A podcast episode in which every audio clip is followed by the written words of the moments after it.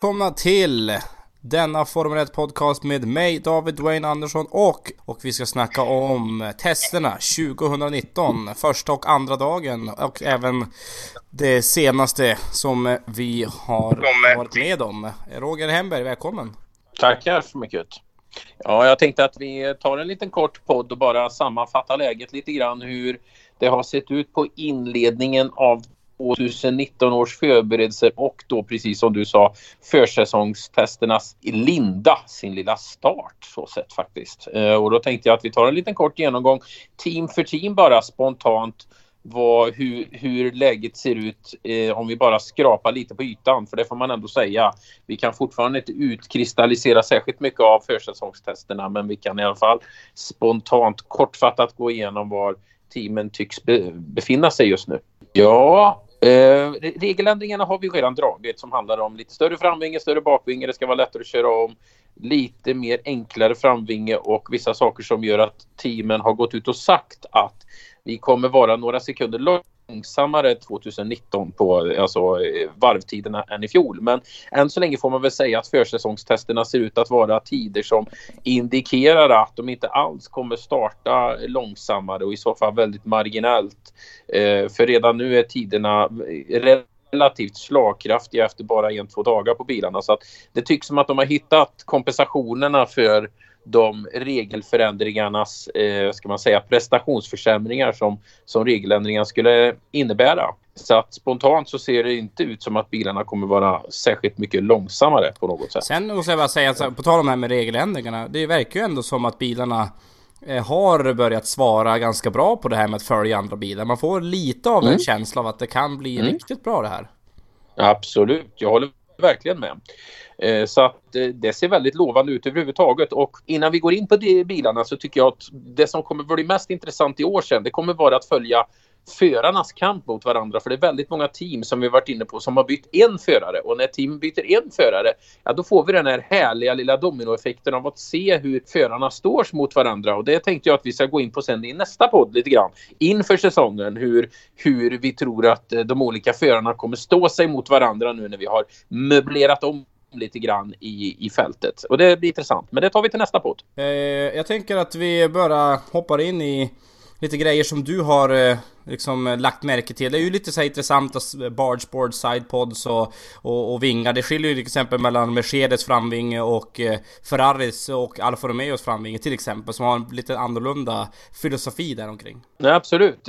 Man kan väl, om vi börjar med att ta, försöka ta teamen ungefär i den ordningen där de faktiskt slutade mästerskapet för att få dem i rangordning så kan man säga att Mercedes har varit ganska självsäkra och relativt transparenta. De visade upp en bil eh, när de gjorde sin launch på bilen som var relativt mycket, det här är våran bil. Det var en av de första riktiga bilarna vi såg. De andra hade mycket eh, kvar av 2018 fast de hade nya libraries och så vidare, nya utseendena kanske, de som har förändrats och så vidare. Men Mercedes var ganska relaxed och visade bilen, tyckte att vi har ingenting att dölja. Vi tror på oss, men vi har en lugn och ödmjuk inställning inför året. Men eh, om man tar framvingen och den biten så är den ganska konventionell just nu. Den är ganska eh, ganska konservativ jämförelsevis med andra stall. Så att, eh, det som talar för att Ferrari, eh, eh, Mercedes ska vara bra, det är givetvis att de spinner på föregående års koncept. De säger själva att de har en helt ny motor för i år, en Power Unit i år som ska vara ytterligare starkare och stämmer det så kan de ju givetvis ha tagit ett kliv och tagit sig ett försprång igen, vilket vi givetvis inte vet så här tidigt på försäsongstesterna. Eh, och de har givetvis ett team i harmoni där båda förarna har varit med. Ett av de få teamen som har behållit båda förarna och har samma eh, föraruppställning som i fjol tillsammans med bland annat Haas. Då. Eh, men eh, så att det är ju det som talar för att den kontinuiteten och harmonin verkar till deras fördel. Det som skulle kunna vara till eh, Mercedes nackdel är just att har de gått lite för konservativt. Om vi sen kommer gå in på de andra teamen och se att de har lite större innovationer gällande framvinge och, och sidepods och så vidare så ser Ferrari-bilen kanske inte riktigt lika innovativ ut och då är frågan har de andra tagit större kliv? Men eh, skulle jag själv bara sätta en bedömning mellan 1 och 5 så måste man ju ändå sätta Mercedes utgångsläge på en femma med tanke på sådana mästare de har varit sex år i sträck. Då. Ja, något, du vill, något du vill tillägga på Mercedes innan vi går vidare? Ja men det är väl lite grann som du har precis varit inne i. Man, man märker att eh, eh Ferrari till exempel, som ett exempel, har varit lite aggressivare om man tittar på rent detaljmässigt. Så att det ska bli intressant att se om det faktiskt får en konkret effekt. Vilket så, jag såklart hoppas att det får. Så vi får en riktigt sån här rejäl fight längre in i säsongen. Som vi varit lite snuvade på från förra året. Det är min tanke. Mm.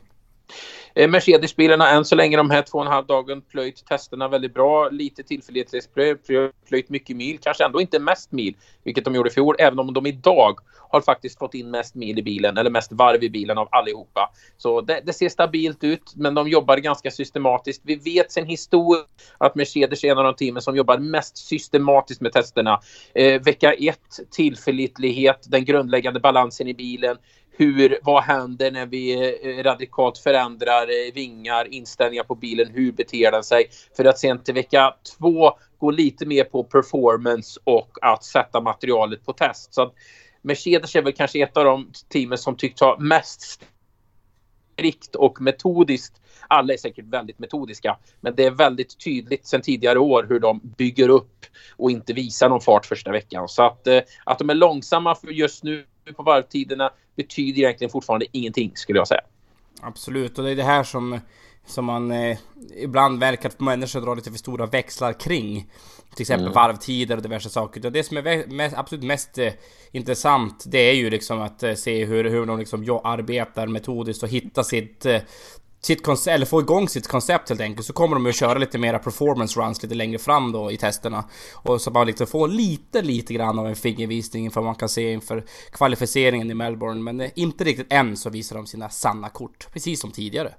Sen går vi till Ferrari och Ferrari har ju däremot oftast eh, tid, även tidigare år haft en lite mer aggressiv eh, inledning på försäsongstesterna. Här vet vi då att vi har Sebastian Vettel sedan tidigare år och Charles Leclerc har kommit in ny. Vi har ju en ny eh, boss i form av Binotto, den tekniska chefen som ändå var grunden till Ferraris framgång i fjol. För det får man ändå tillskriva honom eftersom det var bilen som var bra i fjol, inte kanske ledningen eller förarnas prestationer som plumpade lite grann i både strategier och misstag så var ju bilen minst lika bra som, som Mercedes. Lite olika på olika banor förstås och så vidare, men höll jämnt skägg.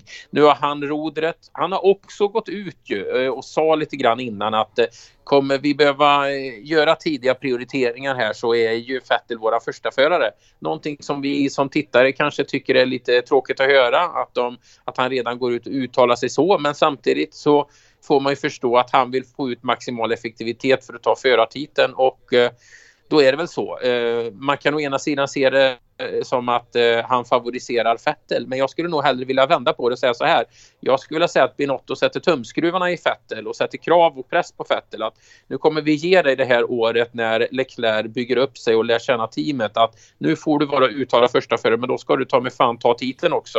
Gör du inte det så kommande år så kommer vi minst, minst lika mycket satsa på Leclerc om han visar en, en, en sund och bra eh, eh pro, pro, progress eller utveckling under året. Så att lika mycket som det är att på något vis favorisera Fettel skulle jag nog vilja säga att det är att sätta press på Fettel faktiskt. Om man skulle jag bara tyda mellan raderna.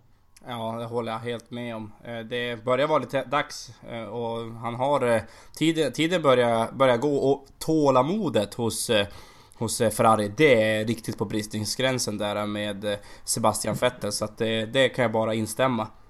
Mm. Ska vi gå in på teamet och bilen då, så då är vi inne på det som du var inne på. Här ser vi mycket radikalare framvänge och en del även, även mittdelen på bilen är lite mer innovativ. De har behållit lite, lite mer rake som de även hade i fjol, så uppenbarligen klarar de av. Det var också en fråga inför den här säsongen med nya reglementer med förändrade, förenklade framvingar och så vidare om man kunde hålla kvar, bibehålla raken. Men det tycks de ha gjort i alla fall och eh, även om Ferrari alltid har startat försäsongstesterna starkt så måste jag säga att de har startat väldigt starkt i år. Och eh, Hamilton gick själv ut och sa att Ferrari looks very, very strong. Och det, det kanske han hade sagt ändå för att tona ner förväntningarna på sig själv. Men Ferrari-bilen ser väldigt, väldigt bra ut när han går runt på varven. Eh, det var likadant i fjol. Det syntes att han var väldigt följsam i höga hastigheter och Barcelona-banan är ju som vi vet erkänd på att verkligen göra en bra bedömning på bilens aerodynamik och bilens kompletta helhet. Den som brukar vinna eller vara stark på Barcelona, den är oftast stark under säsongen för den banan, den kräver en, ett, ett, liksom ett komplett paket. Den ska vara bra på det mesta.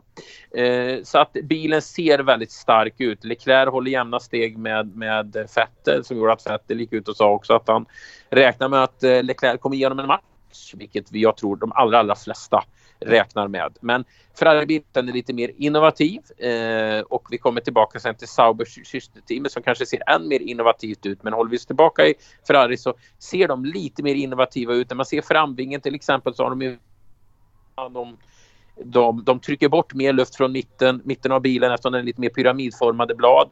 Och, och det tycks vara någonting som vissa team mer eller mindre har jobbat med. Jag såg till och med att Williams hade en liten tendens till det. Men, eh, och har haft det på vissa av sina versioner av framvingar och så vidare. Så får man det att funka så kan det vara ett innovativt steg som de andra teamen måste kopiera efter. Men då gäller det också att resten av bilens aerodynamik är anpassad att faktiskt det konceptet fungerar. Så att just nu tycker jag att eh, Ferrari ser extremt bra ut. De kanske inte än bättre ut än Mercedes bara spontant. Så att betyg 1 till 5 där så måste jag minst eller sätta också minst en femma på Ferrari för att eh, det ser väldigt, väldigt bra ut och de har startat med väldigt bra tillförlitlighet dessutom. Så att eh, mm, Ferrari är definitivt top contenders. Det kan vi Sen nog redan nu säga. Sen faktiskt få säga en sak här Roger, att här blir det intressant efter Ferrari. Vart sätter man Red Bull och vart sätter man Renault? För det här känns det som att ja. det är två team som är inte är långt ifrån varandra i, i ren performance där. Vi vet ju fortfarande inte riktigt vart Honda är när man ska börja skruva på grejer. Så att, eh, men vi ska Nej, och, att vi tar och tar vi bara, precis, ja vi får ju ta Red Bull eftersom de ändå var trea i fjol och klart trea i fjol. Eh, de, bilen ser stabil ut, Honda har så länge visat en tillförlitlighet som de inte gjorde i fjolåret. De har givetvis lagt stora resurser på att göra den bra. Det ser lite stabilare ut överhuvudtaget runt omkring det. Även nu om Gasly snurrade runt bilen då igår eh, väldigt snöpligt som, som givetvis tog tid för dem på banan. Men som du säger, konkurrensen bakifrån hårdnar när vi kommer. Så att jag är inte helt säker på att det är ett självklart tredje team. Det är mycket väl så att de kan bli trea i år. Men blir de trea i år så känns det spontant som att de kommer få mycket mer konkurrens om den platsen än vad de haft eh, tidigare år när det varit ett hopp mellan topp tre och the rest. Men där skulle inte jag eh, spontant tro att hoppet blir i år utan den, eh, om det, det, kan bli en topp två kan det bli ett litet hopp och sen kan det bli en ganska stor midfield där, där Red Bull ingår. Om nu inte Honda har tagit sådana performance-steg så att de är minst lika bra om inte bättre än Ferrari och Mercedes. Men jag tror att Honda egentligen får vara nöjda om de har eh, matchat i Renault till en början med. Men eh, de kan fortfarande vara där. Jag vill sätta ett betyg fyra på dem, men jag tror fortfarande att de kommer få tuff konkurrens och tror fortfarande spontant att det ska mycket till om de ska matcha de två toppteamen med den här experimentella fasen som vi nog ändå får kalla det för med ett första år med Honda. Även om det är andra året om man räknar in Toro Rosso. Så att eh, bilen ser inte lika eh, innovativ ut heller som eh, Sauber och Ferrari och sånt ändå. Så att, eh, och då kan man ju säga, men har inte alltid Red Bull varit längst i framkant på aerodynamiken? Jo, det kan mycket väl vara nu också. Samtidigt kan man vända på det och säga att någonstans måste väl Lewis genialitet dö ut och hans undersåtar som har gått till lite olika team, för det är de ju faktiskt. Många av de som har jobbat under honom finns i andra team. Borde ju faktiskt också skapa innovation och ge honom en match. Så att eh, vi får se, men jag är inte säker på att Red Bull kommer att vara självklart trea. Men det är bara en jättegissning såklart i dagsläget. Mm, Renault. Precis. Renault eh, ser ut att ha eh, tagit till sponerna på bilen. Bilen ser stabil ut. Den ser tillförlitlig ut eh, och, och verkar bra. Tycker de har en intressant föraruppsättning som är starkare med Ricciardo och Hylkenberg. Jag tycker de har, gjort ett, har en bra liksom, uppsättning överhuvudtaget. Jag har väldigt svårt att tro att fabriksteamet Renault inte fortsätter ta kliv framåt. Tittar man på fjolåret till exempel så kan man säga att Renault ändå utvecklades under säsongen och, och tog så att säga sakta men säkert eh, teamplaceringarna framåt, framåt, framåt. Även om stegen är små och metodiska och inte särskilt revolutionerande i sin art så tror jag definitivt att Renault kommer att ge eh, Red Bull en match. Jag skulle väl säga att det, jag skulle sticka ut hakan och spontant säga att de skulle kunna vara even är fel att säga, men bra på områden där Red Bull inte är bra och tvärtom. Så att jag tror definitivt att eh, Renault kommer vara med i Red Bull-skiktet om man säger så. Men det är bara en spontan gissning.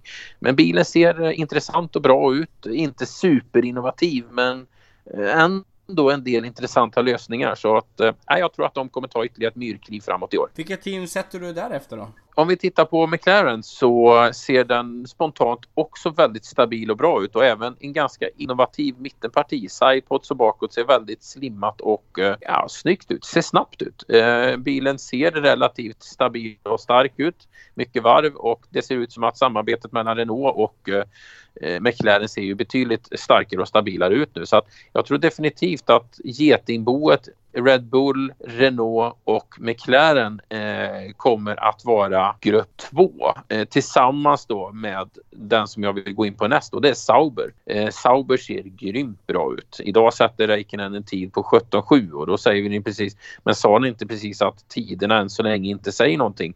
Jo, toppteamernas tider säger ingenting.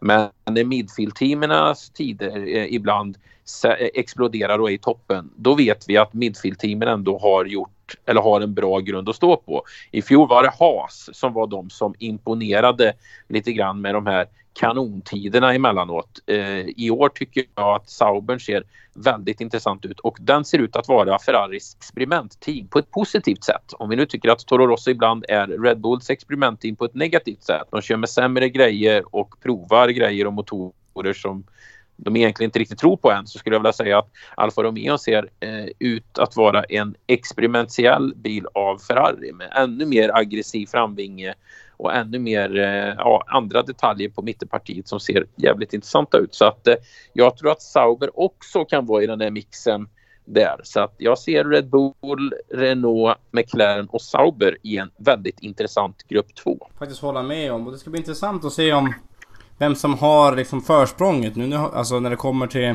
till resurser där mellan McLaren och, och Sauber. För att jag, jag, tror att Ferrari är nog villig att pumpa in det som krävs för att, eh, för att som sagt eh, eh, Alfa Romeo ska hålla en viss form av läg, högsta lägsta nivå om vi säger så. Så det blir intressant att se. Sen har vi ju, och då skulle jag vilja sätta betyg 4 på dem då som en grupp då faktiskt, den kvartetten. Det är många bilar där men jättesvårt att säga vilket av dem som kommer bli topp tre skulle jag bara spontant säga. Även om många nu tycker att, att Red Bull borde bli det. Och det kanske är lite kaxigt av mig att inte sätta dem som en självklar trea. Så sätter jag en grupp där. Sen har vi då en grupp till då med, med, med bilar och förare och där har vi ju eh, Racing Point och Haas tror jag. Eh, kommer att vara eh, två team som tror jag kommer få jobba för att hänga med de här som jag precis har gett betyg 4. Eh, Haas eh, ser inte lika starka ut i år och har inte fått lika mycket stöd eller velat ha lika mycket stöd av Ferrari som i fjol. I fjol var ju, startade ju Haas som en Ferrari-kopia och fick ett jättebra start och försprång. Ett försprång eller en en position som de fick svårt att behålla när, när Renault eh, bland annat fortsatte utveckla bilen starkt under året. Och det klarade ju inte Haas. De skulle ju tagit sina bästa poäng de första 3, 4, 5 racen och det tog de inte tillvara på riktigt. Eh, jag tycker inte Haas ser lika starkt ut i år. Jag tycker inte bilen heller ser särskilt innovativ ut i år.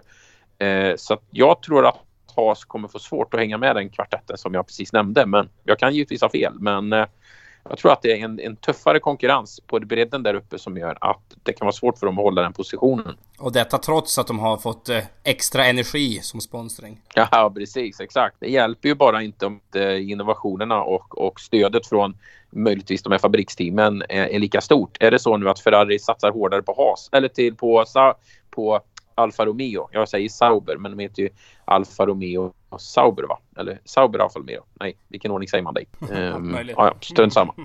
Eh, men, men de behöll ju Sauber-namnet i slutändan trots allt så att säga. Men, men eh, Alfa Romeo kanske vi ska kalla den för eftersom det är huvud. Så ser det ut som att Ferrari satsar ju mycket hårdare på dem som systerteam till skillnad mot fjol, äh, året innan. Så att nej, Haas sätter jag där. Och det sätter jag även Racing Point utifrån att Lance Stroll nu med sina miljoner och sina satsningar och sin, sin son till förare eh, in i teamet och jag tror att han verkar ha en hög stolthet i att de ska kunna göra det här på egna ben och eh, jag tror att det är svårt för Racing Point att behålla den positionen när de andra teamen taggar upp sig. Inte nödvändigtvis så att de är särskilt mycket sämre, men när de andra runt omkring, Mercedes, eller vad säger jag, McLaren får ordning på sina grejer. Renaults enorma satsningar ekonomiskt börjar ge frukt. Saubers täta samarbete med Ferrari ger effekt. Då blir det svårt för Racing Point att, att hänga med i, det, i den upptagningen så att säga. Vilket gör att jag tror att eh, det är en utmaning för dem att hänga med. Den där kvartetten som vi nämnde innan. Eh, och efter det så har vi då Toro Rosso. Ja, det är ju fortfarande lillebror till Red Bull. Kommer alltid vara en, en viss bit efter Red Bull. Och om vi nu är lite, så här, lite frågetecken hur långt eh, eh, Honda kommer, även om det ser starkt ut och så vidare, så tror jag att det kommer vara väldigt svårt för dem att ha eh, riktigt, eh, ska man säga, midfield-positioner med bilen när de andra taggar upp. Som vi har varit. Jag tycker inte bilen ser så spontant superbra ut heller. Jag tänker också att jag, jag får inte riktigt de här uh, första klass-vibbarna av förarvalen heller. Nej, nej. Absolut. Fiat tillbaka tagen i brist på annat. Eh, och så Adbon heter han va? Eh, har väl inte varit så super in, in, ja, impressive hittills men det kan ju inte ändra sig. Eh, men nej, jag ser inte och det, det gäller ju både Haas och det gäller eh, vad heter det eh, eh Toro Rosso tycker jag inte att föraruppställningen känns sådär super superstark ut. Eh, det talade ju också för som vi sa eh, eh, vad heter det med Alfa Romeo. Jag menar att ha en sån som Kimi Räikkönen som leder både att han är bra förare men också bara vetskapen att ha en världsmästare som sitter där. Tänk vad det höjer moralen och motivationen hos hela teamet att göra ett bra jobb liksom så att eh, det gör också att jag sett sätter eh, Alfa Romeo bra så att säga. Ännu yt, yt, ytterligare ett kliv mot i fjol. Och, och sist men inte minst så kan jag inte undgå faktumet att se att Williams trasslar. Eh, det finns mycket mediala diskussioner runt omkring om Claire är rätt person för att leda teamet. Det finns också mediala diskussioner runt omkring om Paddy Love verkligen är den den tekniska ledaren som, som, som han ibland har utgett sig för att vara under Mercedes-teamet. Vilket jag betvivlade redan när Mercedes släppte honom så lättvindigt och bara sa men inga problem, drar du, hej då, typ. Det var liksom, fanns inga som helst kommentarer, åh nu tappar vi en viktig person och så vidare. De var nästan bara glada att han drog eh, och att eh, Allison fick komma in och få lite mer att säga till om i teamet så att säga. Då, Så att eh, nej, jag är tveksam på att Claire håller ihop det tillräckligt hårt och tydligt och konstruktivt och vi hör även att personal nu jag tror det var tre stycken anonyma hade gått ut och sagt att de tycker inte det är något bra ledarskap. Det är ingen bra personalpolitik och eh, nej, det är inte särskilt bra stämning och att missa två och en halv dag. Visst, det finns de som har missat tid förut, men på det här sättet. Det ser tufft ut och det vore synd om Russell som jag tror egentligen är kanske den nykomlingen som jag tror bäst på av Norris, eh, Al, eh, eh ja, Albon och Russell inte får några bra förutsättningar. Men jag tror att Williams kommer harva längst ner i år. Ja, jag tror att det blir en eh, repeat av förra året och det är ju ja. riktigt, riktigt illa. Utan det är bara att inse att vad som behövs där är en helt eh, ändring av ledarskapet. Precis som det har varit hos McLaren under eh, ett par år här. Mm. Så sammanfattningsvis Ferrari, Mercedes kommer definitivt vara i toppen. Det ska bli intressant att se om någon mer blandar sig in. Men det sätter jag betyg 5. Sen sätter jag en kvartett på eh, McLaren, Renault, Eh, Red Bull och Alfa Romeo som betyg 4. Jag tror att säkert någon av dem kommer vara med och utmana Ferrari och Mercedes också. Men de tror jag kommer vara en stark grupp, bara spontant. Sen sätter jag en grupp på Haas och på eh, eh Racing Point med betyg 3. Och sen sätter jag Toro Rosso på betyg 2 och så sätter jag Williams på betyg 1. Högst spontant. Men eh, det, så det blir intressant att följa givetvis. Eh, men eh, mm, det blir en intressant fortsättning att följa under denna veckan på försäsongstesterna. Men inte minst nästa vecka när de börjar visa lite mer performancekort också skulle jag säga. Absolut. Jag tänker att vi stänger butiken där och tack så jättemycket Roger Hemberg för att du summerade åt oss alla. Absolut och nu följer vi försäsongstesterna med spänning. Absolut. Ha det så gott! Ha det bra!